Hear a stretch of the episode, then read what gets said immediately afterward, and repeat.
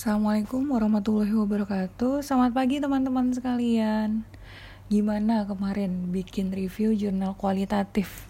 Bingung gak sih apa yang dibingungin?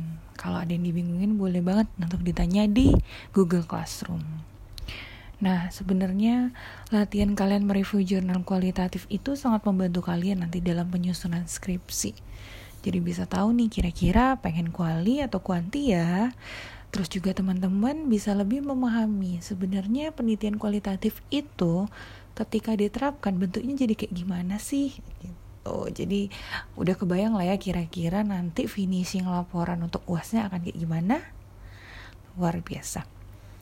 Teman-teman sekalian sudah menyiapkan PPT mungkin dan juga mungkin sudah menonton video yang ditampilkan uh, di Google Classroom itu videonya saya download dari YouTube.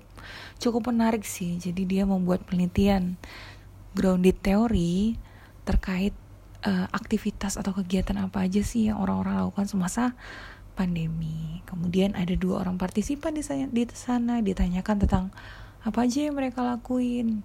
Ada yang nonton, main TikTok dan sebagainya sampai ketemu saturasi data. Kemudian baru deh bisa disimpulkan Nah, saturasi data itu seperti apa dan gimana secara bikin penelitian kualitatif kita akan bahas di uh, pertemuan hari ini. Next slide. Nah, teman-teman, ini ada beberapa contoh studi uh, grounded theory.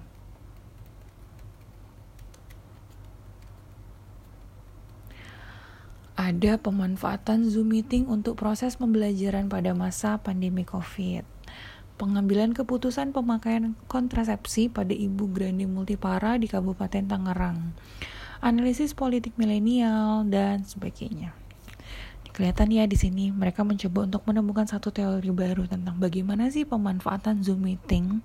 Karena selama ini belum ada teori yang menyebutkan Zoom meeting itu pemanfaatannya untuk apa aja sih, misalkan seperti itu.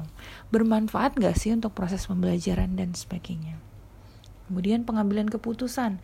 Nah, belum ada teori yang menyatakan tentang adanya proses pengambilan keputusan terkait pemakaian kontrasepsi sehingga kita mendalami menggunakan grounded teori untuk menemukan konsep atau teori baru. Next slide. Nah, istilah grounded itu diperkenalkan sama si Glaser dan Strauss. Mungkin teman-teman udah nonton video Nah, itu menjelaskan konsep si Glaser ini sama si Strauss.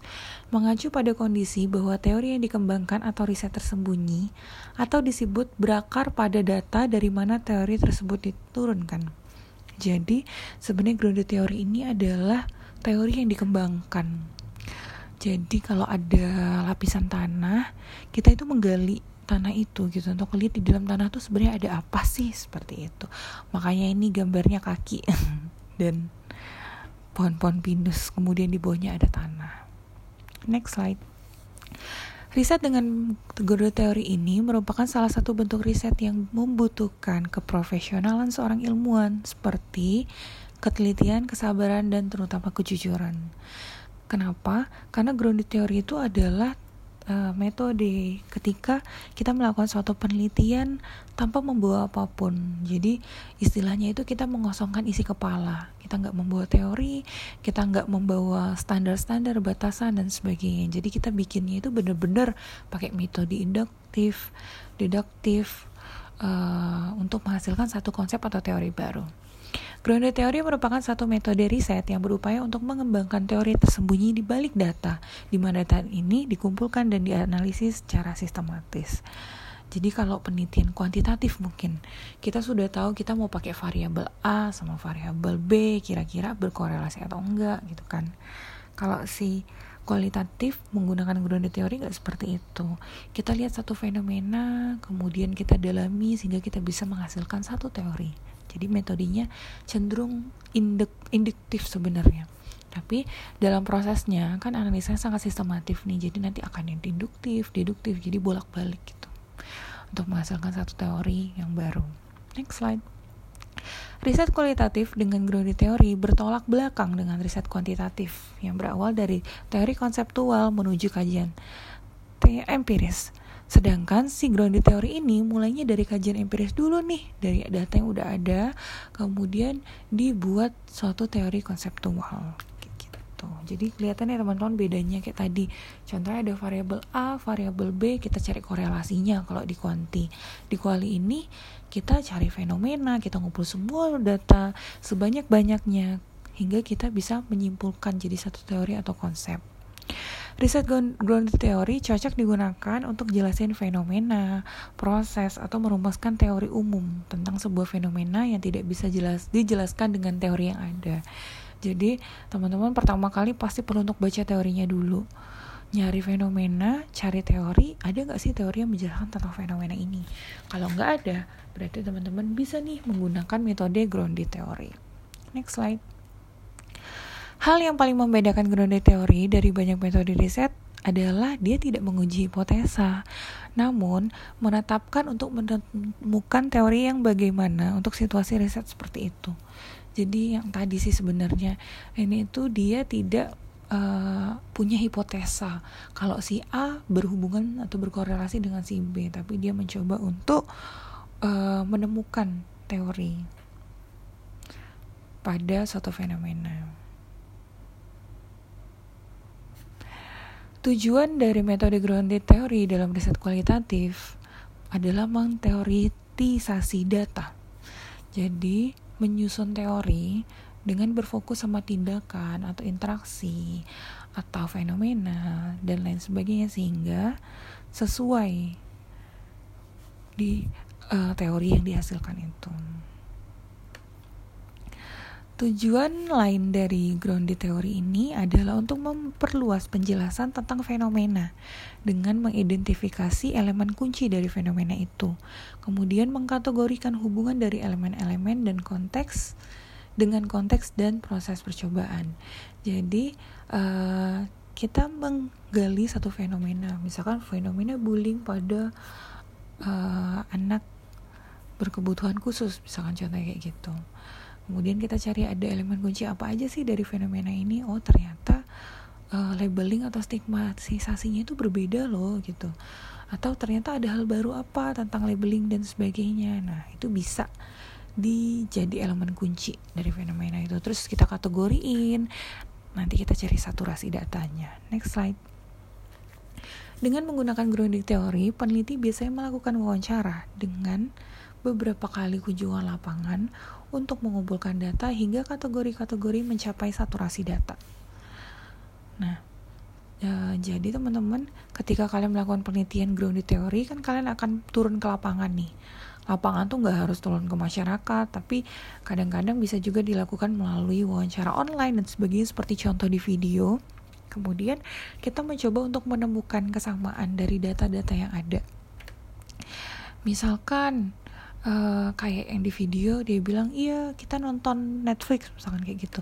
Oh ternyata uh, si A bilang nonton Netflix dan si B juga nonton Netflix. Nah itu berarti berarti itu saturasi data udah ada kesamaan gitu dicari hingga ada kesamaan jadi saturasi data itu mencari informasi secara terus menerus dan menambahkannya sampai tidak ada informasi baru lagi gitu.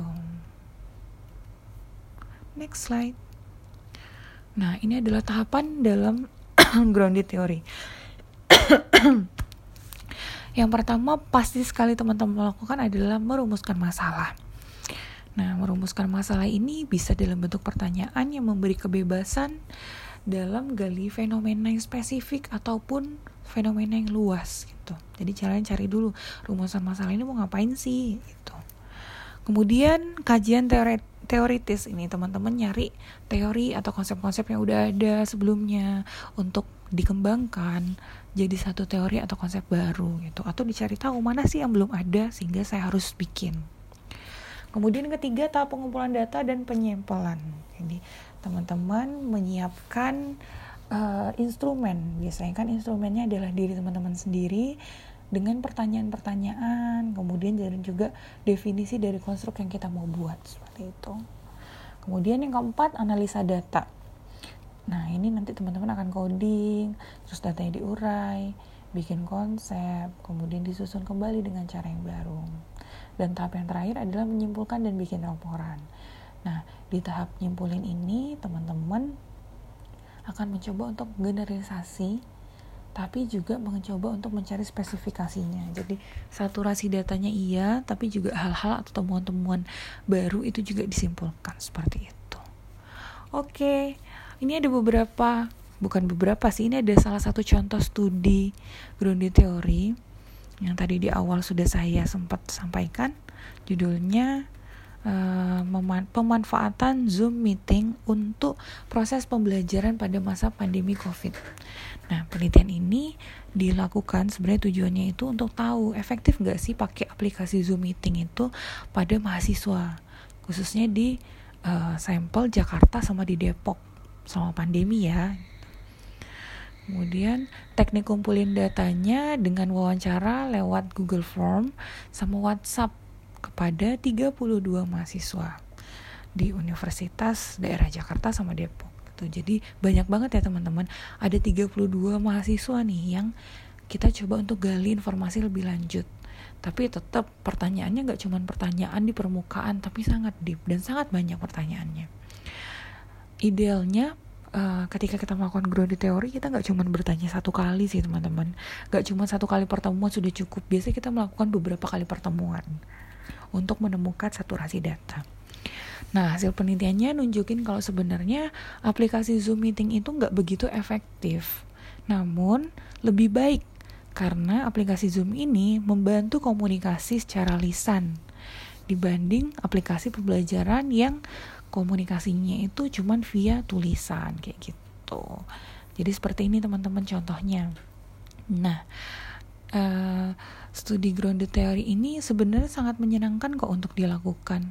Kalau teman-teman mau jadikan dia sebagai salah satu uh, bentuk atau metode untuk nanti tugas akhir UAS kita juga boleh sekali. Nah, next slide. Terima kasih. Baik teman-teman, perkuliahan kita sampai di sini hari ini. Terima kasih sekali loh udah nonton video YouTube-nya karena kalau saya sendiri sih ngelihat itu kayaknya agak entertain agak menyenangkan karena banyak jokes-jokes ya setidaknya bikin kalian ketawa mungkin Oke, sampai ketemu di pertemuan berikutnya. Mungkin pertemuan berikutnya kita akan membahas materi juga. Jangan lupa untuk ada videonya yang ditonton sehingga nanti apa yang kita dapatkan bisa lebih komprehensif. Saya tutup kelas kita hari ini. Wabillahi taufiq wal hidayah. Wassalamualaikum warahmatullahi wabarakatuh. Jangan lupa untuk tetap jaga jarak pakai masker dan gak usah keluar kalau nggak penting. Sampai ketemu lagi.